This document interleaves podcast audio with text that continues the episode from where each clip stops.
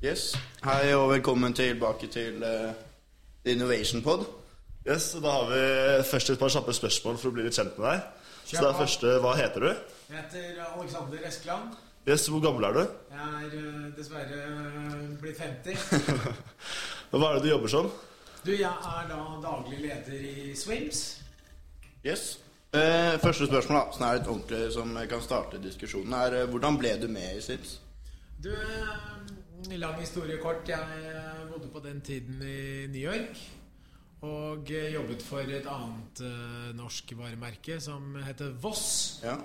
Og uh, en uh, lillebror av en veldig god kompis av meg, han gikk på denne designskolen som heter Parson School of Design i New York.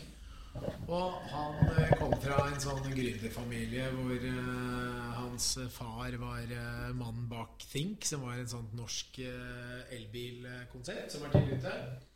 Så han var en eh, kreativ eh, sjel. Og han eh, kom jo på denne ideen om at han skulle relansere kalosjen. Ja, jeg skjønner. Som uh, var liksom et uh, glemt produkt. Uh, og basert på hans idé så hadde han da tilgang til til industridesignere som jobbet på da dette bilkonseptet til familien. Mm. Og fikk da laget en uh, moderne uh, variant av kalosjen. Ja. Og vi sparet litt grann, uh, da jeg bodde i New York. Så flyttet han hjem og startet Swims. Og så flyttet jeg hjem noen måneder senere. Og så ble jeg med i selskapet, kjøpte meg inn i selskapet.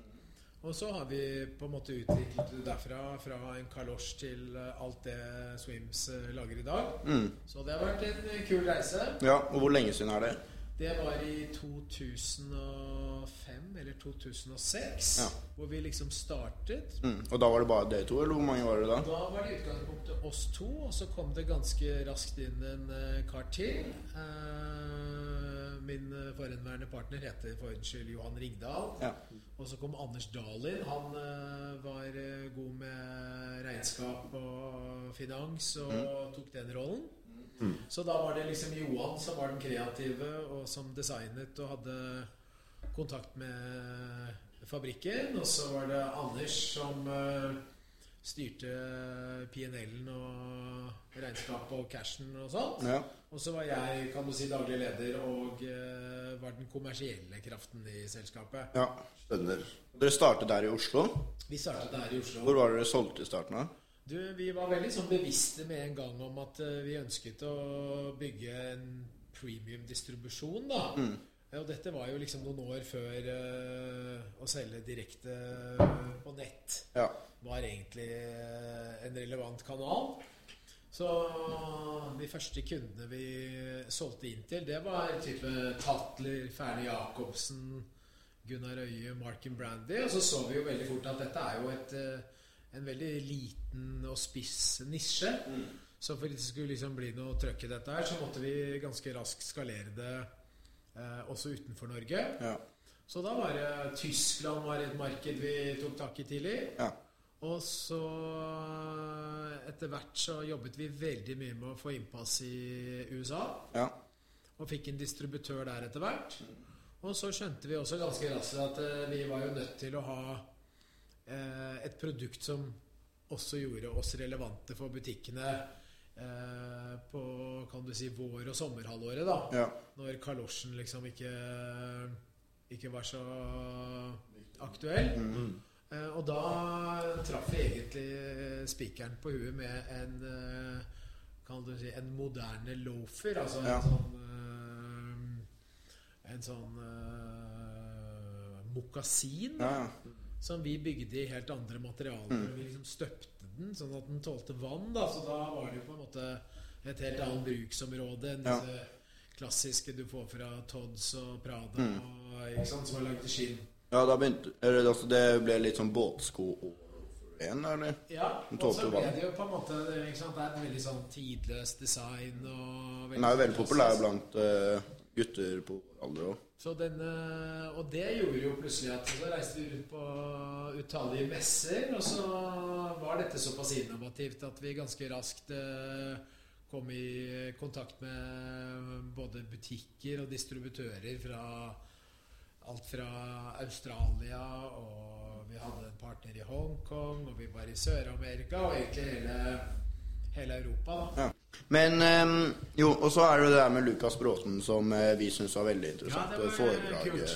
du holdt for oss. Og det tror jeg også mange av lytterne syns er spennende. Så jeg tror ikke, kunne vi kanskje fortalt noe om det? Hvordan har dere kommet i kontakt med Lukas, og når var dette? Eh, Du, Lukas møtte jeg første gang når han eh, gikk på skigymnaset. Så sier jeg at han var eh, 16-17 eller noe sånt. Ja.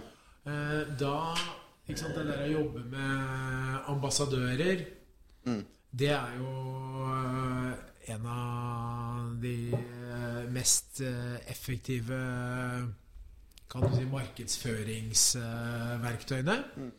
Så vi jobbet i utgangspunktet med eh, en kar som heter Christian Wendelborg, som var eh, europamester i windsurfing.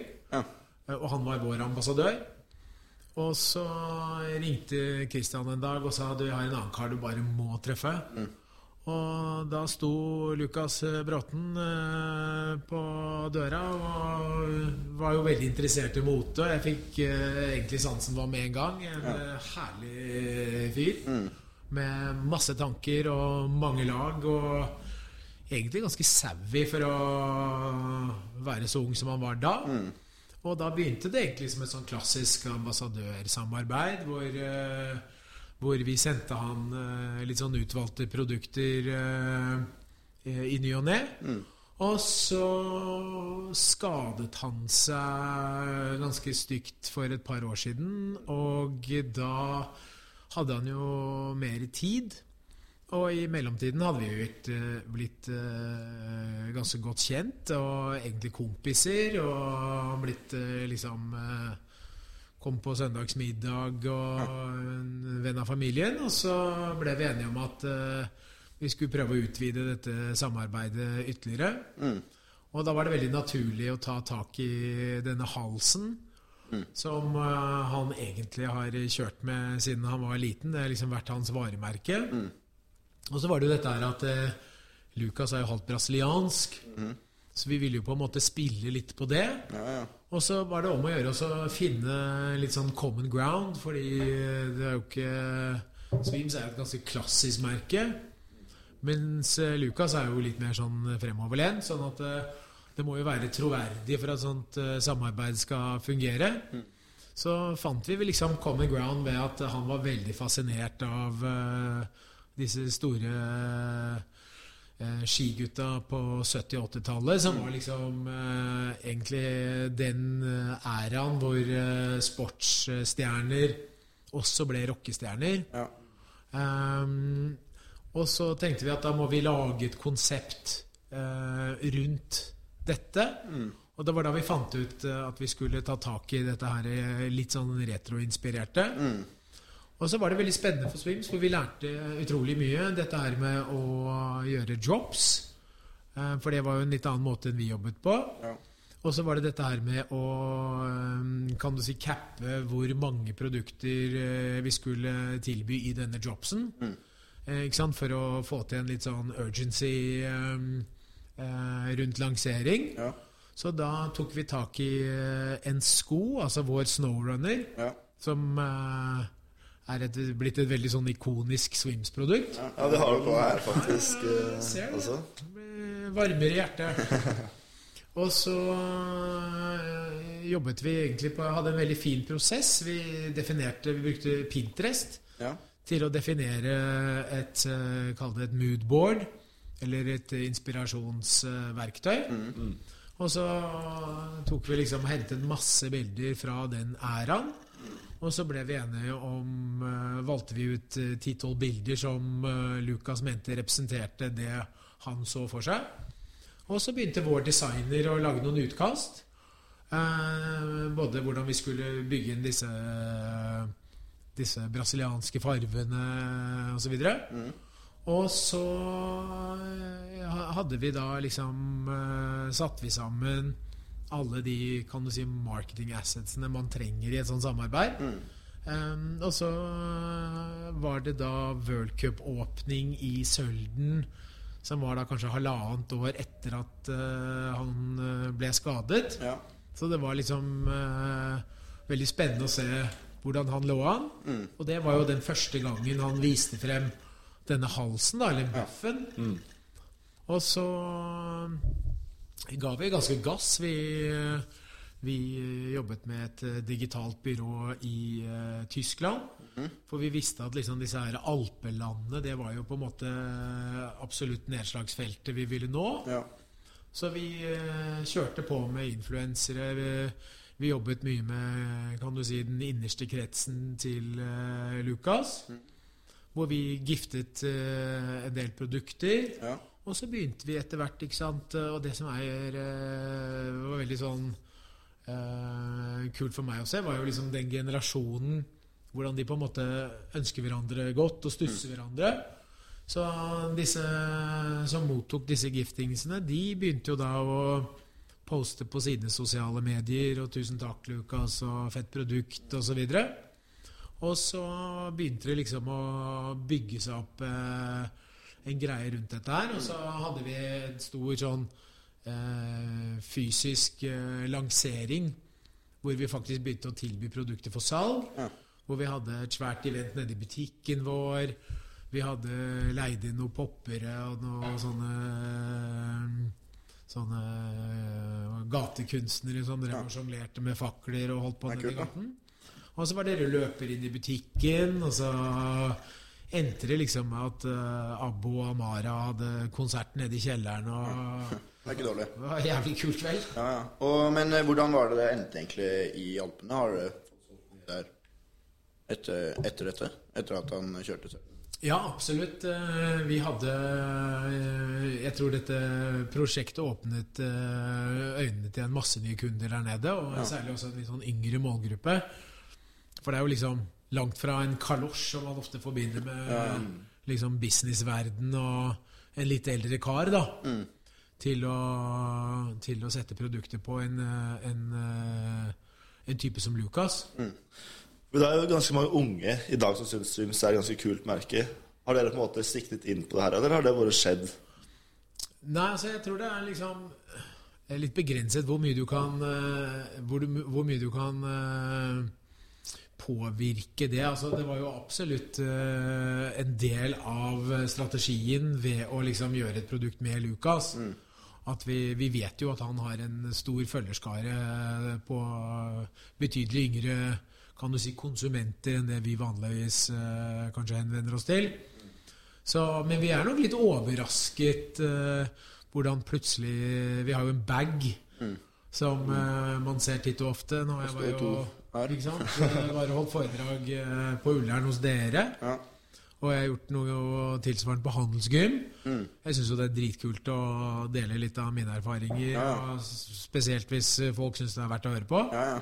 Og da ser man jo plutselig mye Både Swimsbager og den snowrunneren har jo eh, liksom, Vi har liksom klart å skape en vintersko da, som Ja, ikke er lame. ikke sant? Det er kult. Og eh, har du noe, eller kan du si noe om fremtidig samarbeid og sånn? Er det noen nye utøvere?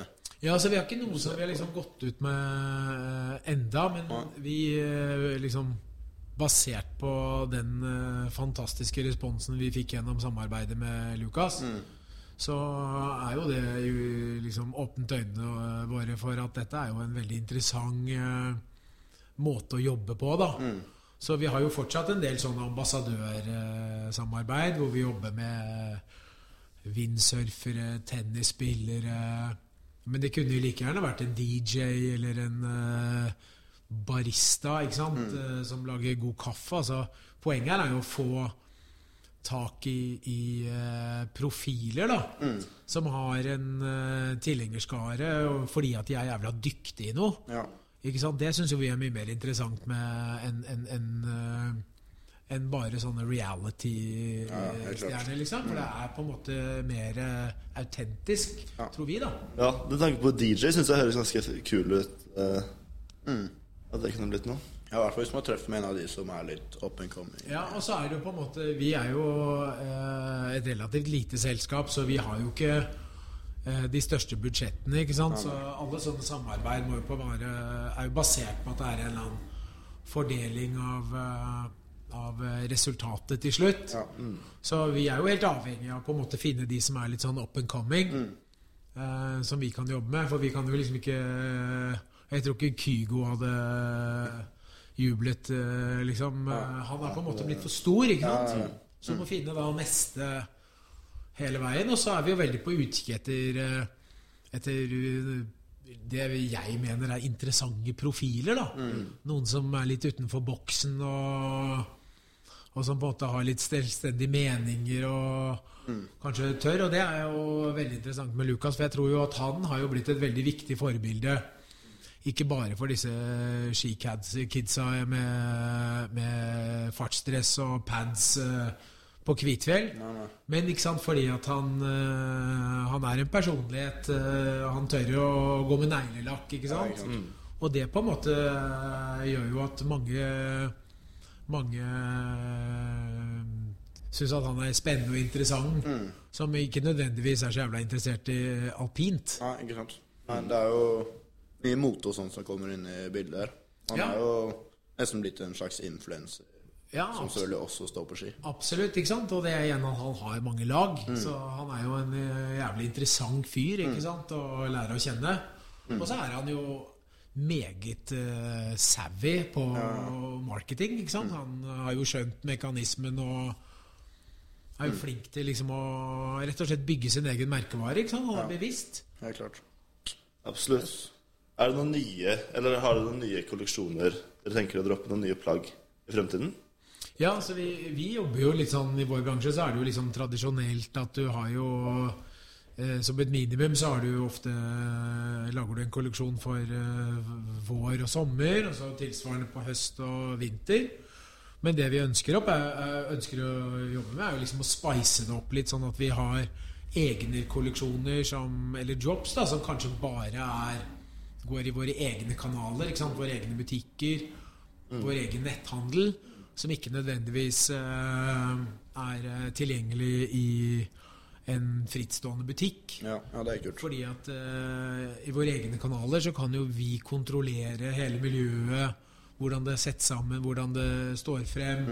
Ikke sant? Det er mye vanskeligere å gjøre hos en stor butikk mm. ikke sant? som har en masse andre hensyn de skal ta. Ja. Ja, Vi sitter jo over Simsbutikken på Stortinget nå. Mm. Er den eneste Norge, eller er det flere? Nei, Det er den eneste vi har i Norge. Altså Gjennom en partner, eh, tro det eller ei, så har vi seks butikker i Midtøsten. Og det er uh, en annen lang historie som vi må ta ved neste anledning. Men har bare, der fant vi en partner som trodde på merkevaren. Eh, det er også typiske markeder hvor, uh, hvor multibrand-butikker ikke er så vanlig. Det er sånn de store aktørene går inn med egne butikker. Ja. Og de eh, så en, en veldig interesse hos uh, sin befolkning.